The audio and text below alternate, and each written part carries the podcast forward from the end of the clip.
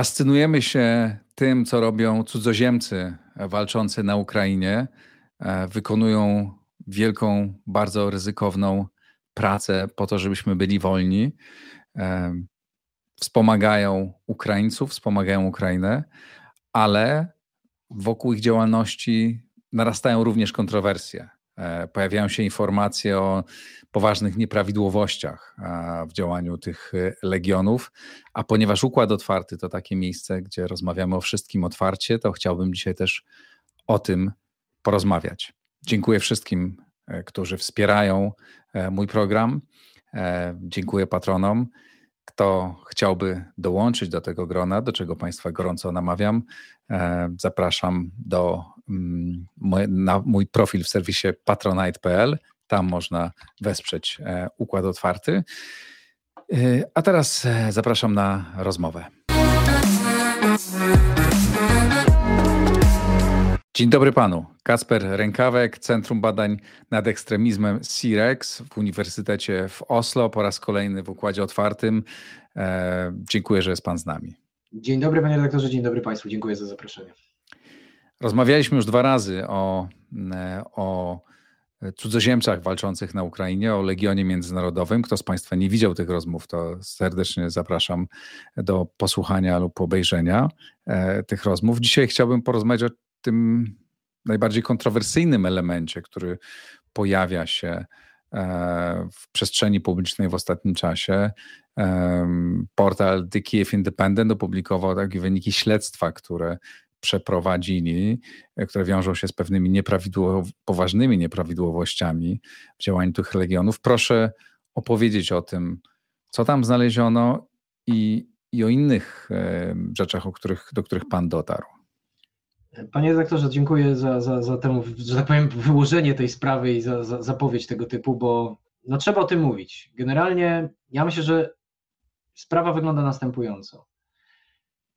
Latem tego roku była pierwsza część tego śledztwa, teraz niedawno pokazała się druga, które skupiają się odpowiednio na dwóch częściach tego Legionu Międzynarodowego w ramach Ukrainy, bo podczas pierwszej naszej rozmowy o tym rozmawialiśmy, że Legion to nie jest jeden Legion, ich jest wiele, a tak naprawdę są dwa, czyli są bataliony lekkiej piechoty funkcjonujące w ramach Sił Zbrojnych Ukrainy, to jest pierwsza sprawa, a druga rzecz to są tak naprawdę małe zespoły, kilku, kilkunastu osobowe, operujące pod ukraińskim wywiadem wojskowym, które są rozrzucone po całej linii frontu i wykonują takie, bym powiedział, mocno specyficzne, sprecyzowane zadania dla dowódców określonych brygad ukraińskich, to tu, to tam, tak naprawdę. I pierwsza część tego śledztwa dotyczyła batalionów piechoty Legionu, a druga część, czy dru, pierwsza część dotyczyła tych grup, a druga dotyczyła batalionów. Czyli mamy taką kompletną, kompletną krytykę. Jest to pokazanie praktyk, które tak naprawdę no, szargają imię tejże, tejże jednostki w sposób, w sposób no, dosyć jednoznaczny, mówiący o, mówiące o korupcji, mówiące o nepotyzmie, mówiące o jakichś takich sprawach typu coś się zgubiło, na przykład ciężarówka z bronią, w ramach niektórych elementów tychże jednostek i dotyczy to bardzo specyficznej grupy oficerów, tymi jednostkami dowodzących. I teraz to oczywiście wywołało wielką, wielką burzę. Natomiast jest to, myślę, dosyć specyficzna, specyficzna sytuacja, bo Legion sam w sobie to nie jest tak wielka liczba ludzi, żeby decydował o sytuacji na froncie. Ukraińcy, ukraińskie podejście do tej jednostki od początku było, no fajnie, że jesteście, ale dużo fajniej, czy dużo bardziej byśmy chcieli więcej waszego sprzętu. I to Ukraińcy zawsze będą priorytetyzowali. Dlatego ja mam czasem takie wrażenie, że my się, my, Zachód, tak, szukają, czy niektórzy koledzy na Zachodzie czekają na taki moment takiego oburzenia ze strony Ukraińców, kiedy takie rewelacje wypływają, natomiast Ukraińcy im nie dają tej satysfakcji, bo tak naprawdę nie przywiązują do niej tak dużej wagi. Nie wiem, czy niesłusznie, natomiast fakt jest taki, że dla nich jest to tylko jeden z elementów szerokiej układanki batalionów, brygad, łańcucha dostaw dla, dla jednostek, dla jednostek na froncie. I jeszcze tym bardziej skomplikowane, panie redaktorze, że są to jednostki nie mówiące po ukraińsku ani po rosyjsku najczęściej, no bo ci żołnierze są, prawda, z całego świata, no głównie z Europy, ze Stanów Zjednoczonych, Kanady, ale są też ludzie z Ameryki Południowej, z Azji, i tak dalej, więc są z, automatu dużo bardziej problematyczne w zarządzaniu i dowodzeniu. I tutaj, jest, tutaj są tak naprawdę takie dwa grzechy pierworodne, które moim zdaniem zostały popełnione. Już abstrahując od treści tych mhm, artykułów. Mm -hmm. Bo pierwszy grzech jest taki, niechcący. To, był, to nie był grzech y, jakiegoś zaniechania czy czegoś takiego, ale polegający na tym, że kiedy prezydent Zeleński mówi, to przyjdźcie wszyscy do nas, my wam wszystkim możemy dać broń, możecie walczyć za Ukrainę, my chcemy was. Wie pan, to też było powiedzenie, panie redaktorze, w momencie, kiedy wiadomo było, a Ukraińcy by chcieli, ale wiadomo było, że żadne wojska NATO tam nie wejdą, to chociaż obywateli z krajów NATO ściągnijmy do siebie. I błąd był moim zdaniem taki, że zaproszono wszystkich, czyli doświadczonych i niedoświadczonych. To jest pierwsza sprawa. I to, co mówiliśmy wcześniej, de facto znalazło się tam trochę osób, które generalnie tam po prostu być w, jako, jako, jako walczący nie powinni. To jest pierwszy problem. I część tych problemów, o którym pisze Kiev Independent, de facto wynika z tego problemu. Ale jest drugi tak naprawdę. Przepraszam, tylko wejdę w słowo y, dla tych z Państwa, którzy nie oglądali pierwszej, naszej pierwszej rozmowy y, z Kasprem Rękawkiem. O tym właśnie mówimy, o tym, jak, jacy ludzie tam trafiali, jak często przypadkowo. Y, polecam, posłuchajcie tej rozmowy. Już panu oddaję głos powrotem. Dziękuję panie redaktorze. Generalnie to jest ta pierwsza grupa. To jest ten, I to jest ten pierwszy grzech. Drugi grzech moim zdaniem jest taki, że ten legion zarówno w postaci tej batalionowej, jak i w postaci tych grup, które później trafią pod skrzydła ukraińskiego wywiadu, funkcjonuje, czy takie, formuje się w momencie, kiedy Ukraińcom ta wojna idzie, no jakby to powiedzieć, no źle to może nie, nie można tak powiedzieć, ale są w sytuacji krytycznej, tak, u bram Kijowa stoją rosyjskie wojska i de facto ten Kijów szturmują, może nie, nie samo miasto, ale jego, jego, jego przedmieścia. Ukraińcy nie mają kogo, że tak powiem, dać na dowodzenie i szkolenie tejże jednostki, gdyż potrzebują wszystkich dobrych oficerów na linii frontu i trafiają tam oficerowie, których bym nie nazwał creme de la creme ukraińskiej armii. Oni zostają często na tych stanowiskach albo są po różnych stanowiskach w tychże legionach już przesuwani, no i siłą rzeczy to jest źródło niesamowitej frustracji, bo na przykład pod sobą mają oficerów, na przykład majora amerykańskich Marines, albo jakiegoś kapitana jakichś Rangersów. Wrócę do tych, do, tych, do tych afiliacji, ale nie tylko, albo doświadczonych podoficerów armii natowskich, którzy po prostu widzą, co się dzieje, jak to jest prowadzone, jak ta jednostka jest zarządzana, z jakimi się styka problemami, i tak naprawdę pukają się w czoło, bo widzą, że tutaj z tym oficerem my daleko nie zajedziemy. I tak naprawdę, jeżeli mamy gdzieś zajechać, to tak naprawdę wbrew niemu, czy przeciwko niemu. I tu to są te dwa problemy, że z jednej strony jest gro ludzi, którzy, okej, okay, niech pomagają Ukrainie, ale może nie jako żołnierze, a z drugiej strony mamy tych oficerów, którzy są jacy są, to o nich są tak naprawdę później te artykuły w Kiev Independent. To nie są artykuły o tych obcokrajowcach w dużym stopniu, to są artykuły o tychże oficerach którzy kierują. A ci oficerowie są często Ukraińcami? Czy, tak, panie, czy panie są... redaktorze, oni są wszyscy Ukraińcami. To znaczy, oczywiście pojawiają się takie historie, że jeden z nich to tak naprawdę jest Polakiem, któremu dano ukraińską, tak. e, ukraińskie, ukraińskie papiery. No, no, on ma specyficzną przeszłość z Polski e, i tak dalej, i tak dalej. E, to był to człowiek, jest... który miał tutaj, był skazywany nawet za jakieś tak, tam rzeczy. I Polska prawda? go chce z powrotem, więc to powoduje, hmm. to powoduje, no, no generalnie wygląda, wygląda to Wygląda to tak, jak wygląda, panie redaktorze, więc generalnie, ale tak, oficerowie w tych jednostkach, oficerowie zarządzający zarówno tymi batalionami, jak i zarządzający tymi zespołami w ramach ukraińskich, e, ukraińskiego wywiadu, podpadające pod różne obszary frontowe, to, są, to zawsze jest ukraiński oficer. To on asygnuje taką jednostkę, to on ją dowodzi, to on ją gdzieś tam przypina, podpina i tak dalej.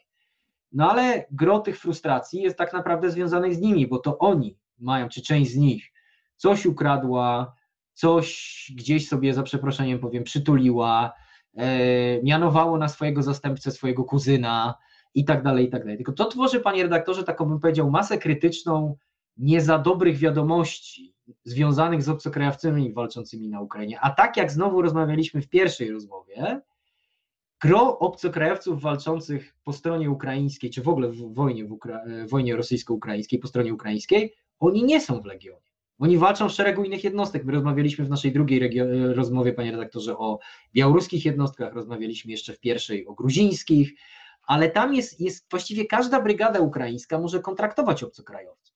I tacy są. Tacy są też podpięci pod różne elementy batalionów obrony terytorialnej, gdzie to wstąpienie do nich jest zdecydowanie łatwiejsze. I oni z tym bałaganem, czy z tym całą tą warstwą, o której pisze Kiev Independent, mają stosunkowo mało wspólnego. Jak ja z nimi rozmawiam, na przykład rozmawiałem E, z Niemcem walczącym w ramach e, karpackiej Siczy. To jest batalion e, ochotniczy partii Swoboda walczący w okolicach, też na, na charkowskim, że tak powiem, odcinku linii frontu latem, latem tego roku, no tak jak ja mu opowiadam o, o, tych, o, ty, o tym śledztwie, no to ten człowiek się drapie w głowę i zastanawia się w ogóle, o czym ty do mnie rozmawiasz, bo ja owszem, mogę nie lubić swojego oficera, bo on mi każe, nie wiem, czyścić, e, czyścić prawda, latrynę wtedy, czy, czy, czy kiedy indziej, natomiast ja jakichś takich sytuacji, o której ty mówisz, to ja po prostu nie znam, my jesteśmy zupełnie inaczej zorganizowani, ale to, z racji tego, że to są te flagowe niby jednostki międzynarodowe, to szarga reputację tych ludzi, a ja mhm. mogę zapewnić, panie redaktorze, że też rozmawiałem z ludźmi z tychże legionów, którzy tak. część tych problemów rozpoznawali, widzieli, mówili mi, zgadzali się, mówili o tych nazwiskach, o tych oficerach i tak dalej, ale jednocześnie mówili, no ludzie, ja tu przyjechałem, żeby robić swoją robotę, dalej mogę ją robić, ten oficer nie jest najlepszy, ale ja się nauczyłem pracować wokół niego, bo to też tak musimy sobie powiedzieć, i żyjemy, idziemy do przodu, robimy swoje. Natomiast oczywiście jest pewna masa krytyczna, bo Kiev Independent mówi, że on ma 80, 80 takich zeznań, cudzysłów, członków Legionu różnych frakcji, różnych elementów, którzy tak naprawdę przyszli i powiedzieli, że coś jest z tymi oficerami nie tak. Ja 80 kontr nie mam, ale mam całkiem dużo takich, którzy mówią, że okay, my rozpoznajemy, widzimy ten problem, ale to jest problem, z którym tak naprawdę powinno sobie poradzić dowództwo ukraińskie, a my, obcokrajowcy, robimy swoje, pomagamy. Jeden mi, panie redaktorze, powiedział taką fajną rzecz, to jest inżynier.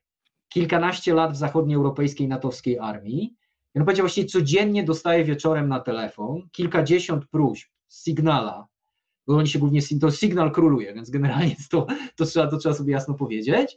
E, dostaje kilkadziesiąt próśb od kolegów z różnych odcinków frontu, ale już nie obcokrajowców, tylko Ukraińców, którzy mnie poznali, którzy mnie na przykład pytają, słuchaj, a co to jest za materiał wybuchowy, co to jest za mina, co my z tym robimy? Oni generalnie funkcjonują w tej równoległej rzeczywistości, gdzie ten cały, mhm. przepraszam, że tak powiem, syf i brud związany z tymi oficjalnymi jednostkami ich już nie dotyka, bo on jest w jakimś 5-10 osobowym zespole, który gdzieś tam się kręci po różnych odcinkach frontu i on ostatni raz tego oficera, który Kiev Independent opisał, widział trzy miesiące temu.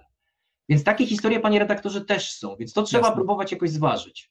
A czy pan w swojej pracy badawczej, którą pan prowadzi, przypominam, jest pan autorem książki, e, do której link będzie pod naszą rozmową, podkreślam, niekomercyjnie, e, e, ja po prostu polecam ją państwu. Czy pan się natknął też na takie przykłady jakichś nieprawidłowości, jakieś, no na każdej wojnie, prawda, są psy wojny, ludzie, którzy wykorzystują tą sytuację, na pewno tam nie jest inaczej.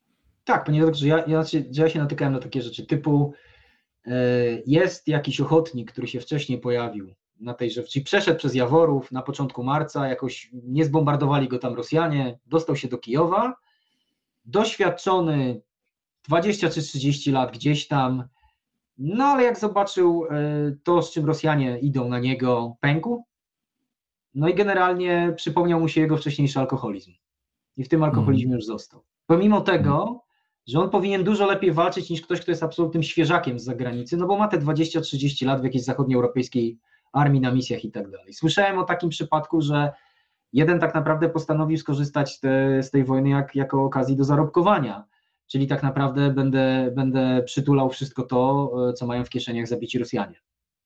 Czyli ta, takie, ta, tak, takie przypadki słyszałem, ale to, panie redaktorze, słyszałem od ludzi, których jak już widziałem na zdjęciach, to mogę powiedzieć, że coś tu jest nie tak, bo ten człowiek jest troszkę nie w formie, troszkę nie w wieku, albo słyszałem o nim taką historię, że generalnie trzeba było szybko pobiec, to bieg 100 metrów, a później już nie mógł. Mhm. Takie, takie przypadki też były, że generalnie staczano się w tę, w tę, w tę, taką, w tę taką jakby, e, na tę taką nizinę, tak to nazwijmy, tego typu sytuacji, po tym jak nagle okazywało się, że zderzenie z rzeczywistością no jest zbyt brutalne. Słyszałem o takich przypadkach, że właśnie ten Legion, czy ci wszyscy obcokrajowcy oczywiście najpierw ściągali do Lwowa, bo oni wszyscy powinni przejść przez to lwowskie centrum tak. rekrutacji do, do, do, do tej obrony terytorialnej, oczywiście część z nich to wymijała i tak dalej.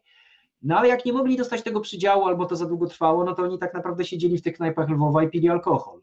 I generalnie obnosili, przepraszam, tak powiem kolokwialnie, wozili się po mieście, co to nie oni. No i tak tu dochodziło do sytuacji, no bym powiedział, nieprzyjemnych z kategorii obyczajowych, czy, czy, czy jakichś mm. takich, bym powiedział, no, no, no, no już stricte kryminalnych, typu, e, no, którymi musiała się zajmować ukraińska policja. Ale znowu, tak jak pan redaktor powiedział, nie oceniajmy ich e, przez pryzmat społeczeństwa w czasie pokoju, tylko oceniajmy ich przez pryzmat tego typu ochotników jadących na inne wojny w, przyszło, w przeszłości.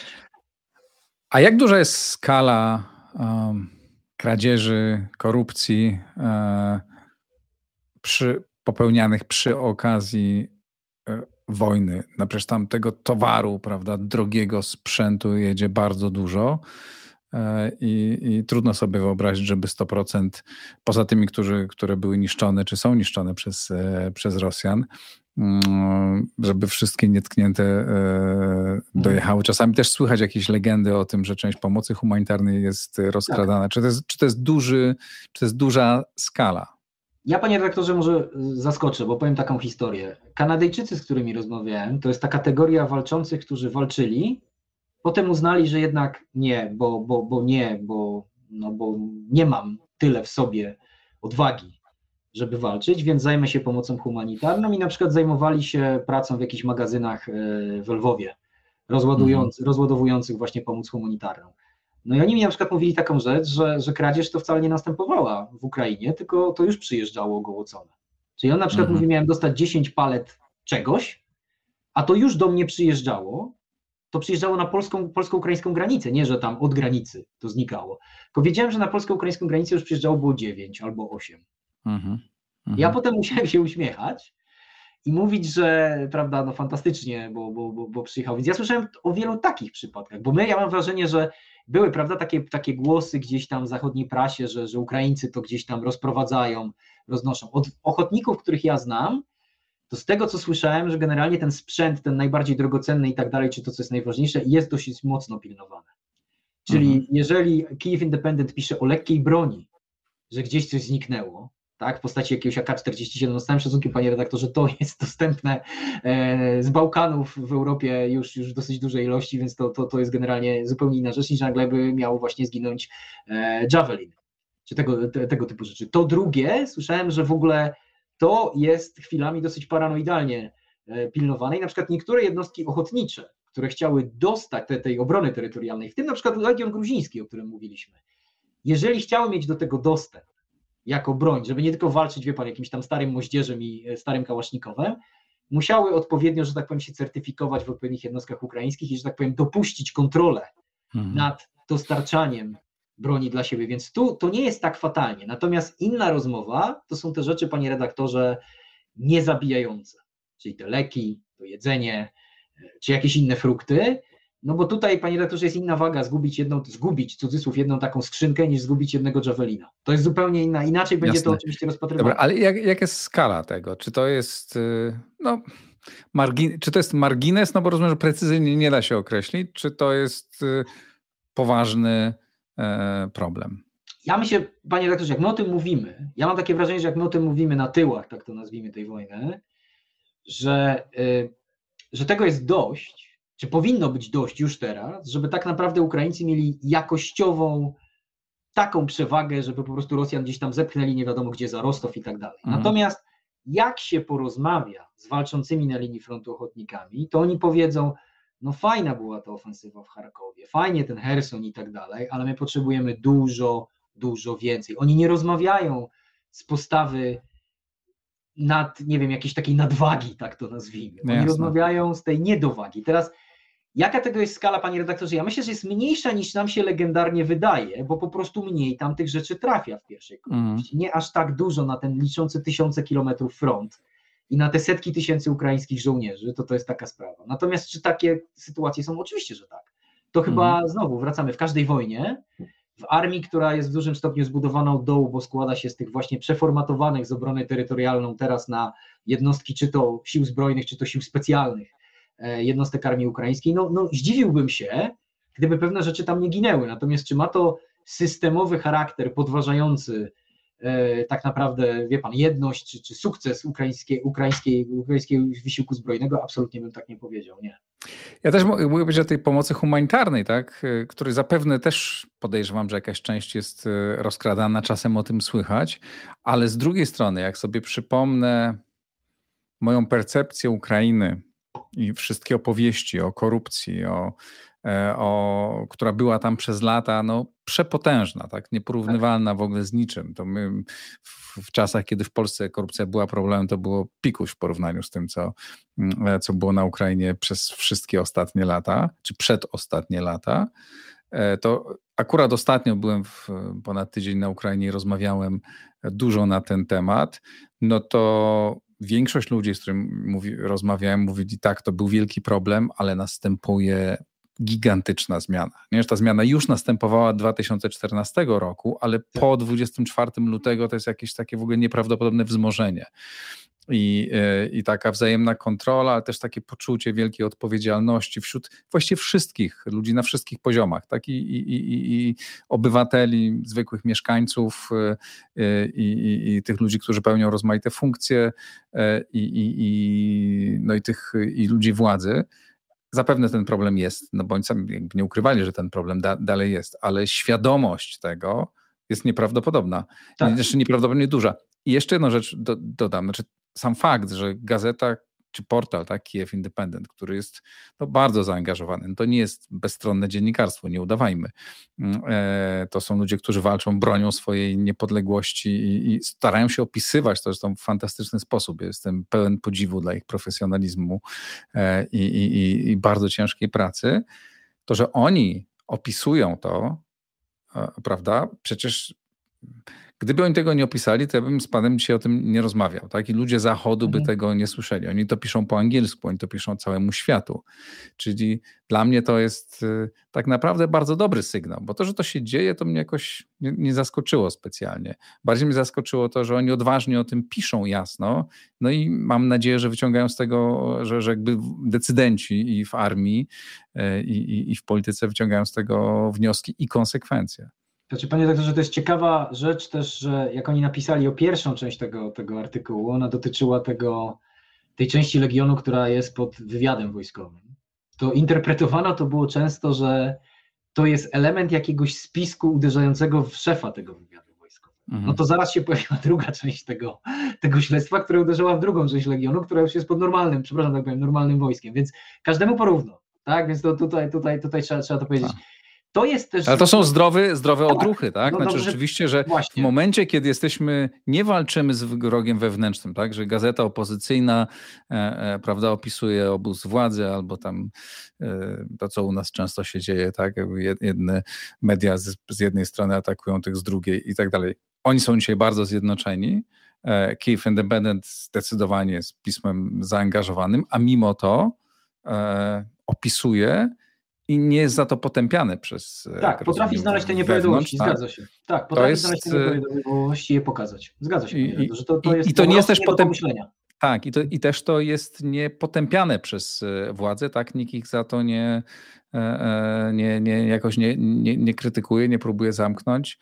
To jest taki no, bardzo, zdrowy, bardzo zdrowy sygnał. Tak, ja myślę, że też jest narastająca, panie redaktorze, wiedza wśród Ukraińców, którzy, którzy widzą, że to, o ile to nie jest problem no taki, który zaważy na ich zwycięstwie w tej wojnie, no bo tak jak mówiliśmy, stosunkowo te, te liczby, to nie, nie mówimy o tysiącach żołnierzy. Natomiast jest to PR-owa kwestia. I teraz mhm. warto by ją było mieć wyprostowaną na tyle, żeby po prostu nie wzbudzało, no, no właśnie, żebyśmy my nie rozmawiali w Polsce, a ktoś nie by nie rozmawiał w Stanach Zjednoczonych, czy w Kanadzie, czy w Wielkiej Brytanii, no bo to jest właśnie ten fenomen, że tych obcokrajowców walczących aktywnie mogą być setki, no z zachodnich obcok, tak to nazwijmy, tak, ludzi z zachodu, natomiast ich waga z racji tego, że są z zachodu, i mogą być wykorzystywani informacyjnie później, e, jako właśnie ci fundraiserzy w swoich krajach, czy jako takie osoby do kontaktu, ich waga jest zdecydowanie większa i nagle ten, ten legion, czy ci obcokrajowcy, których tam jest stosunkowo niedużo, waży dużo więcej. Ja mam wrażenie, że Ukraińcy sami się też tego dopiero uczą, bo pamiętajmy, w 2014 roku ci obcokrajowcy byli wypychani do tych jednostek ochotniczych, tylko niektórych. Nie chciano ich za bardzo, stosunkowo ich mało, bo ja powiem panie redaktorze, że taka historia Azow, ten nieszczęsny Azow miał mieć dziesiątki, setki zachodnich, nie wiem, skrajnie radykalnych ochotników w swoich szeregach. W Mariupolu, w tym Azowstalu, w barwach Azowa walczyło dwóch, dwóch obcokrajowców z zachodu. Ja z jednym rozmawiałem, więc mam dosyć 50% pokrycie tego tematu, się śmieję, ale to też pokazuje, jaką, jak, jaką ewolucję to wszystko przechodzi, że to dla Ukraińców jest coś nowego. To nie jest naturalne, że przyjedzie z graja anglojęzycznych żołnierzy i oni będą się, będą się gdzieś wodzić. Proszę też pamiętać, panie redaktorze, to, że gro tych wypowiedzi w tym śledztwie Kijów Independent, i które ja też widzę i słyszę, to jest ciekawe. Europejscy ochotnicy dla Ukrainy są mniej krytyczni, a amerykańscy bardziej. Jakoś tak, nie wiem, nie wiem, próbuję to jakoś ugryźć kulturowo, nie, nie, nie, ma, nie ma to, jeszcze nie znalazłem takiego kodu na to, ale to jest zadziwiające, że, a często Europejczycy tak mówią, że ci Amerykanie, co przyjechali, to są właśnie ci, co by chcieli, żeby był ten medewak, żeby było to wsparcie artyleryjskie lepsze, żeby było, ale a ci Europejczycy jakoś tak generalnie, nie wiem, jeden Brytyjczyk do mnie taką fajną rzecz powiedział, że jestem z armii, która jest przyzwyczajona do tego, że ma walczyć tym, co ma i się ma zamknąć. Tak. A mój amerykański kolega nie do końca, więc tak się zastanawiam, czy tutaj też nie są jakieś inne, inne rzeczy, no ale o tym się pewnie dowiemy za jakiś czas. Być może. Bardzo panu dziękuję za tą bardzo ciekawą opowieść, e, e, za te kilka opowieści, no bo to już trzeci, trzecia nasza rozmowa e, na ten temat. Pewnie jeszcze przyjdzie jakaś inna okazja. Dzięki serdeczne. Pozdrawiam, pozdrawiam pana. Mm, dziękuję bardzo Państwu. To wszystko w tym odcinku. Napiszcie, co sądzicie. Jeśli słuchacie regularnie, podobają Wam się te rozmowy i chcecie, abym dalej je prowadził, namawiam do wspierania Układu Otwartego za pośrednictwem patronite.pl. Dziękuję bardzo. Do zobaczenia, do usłyszenia.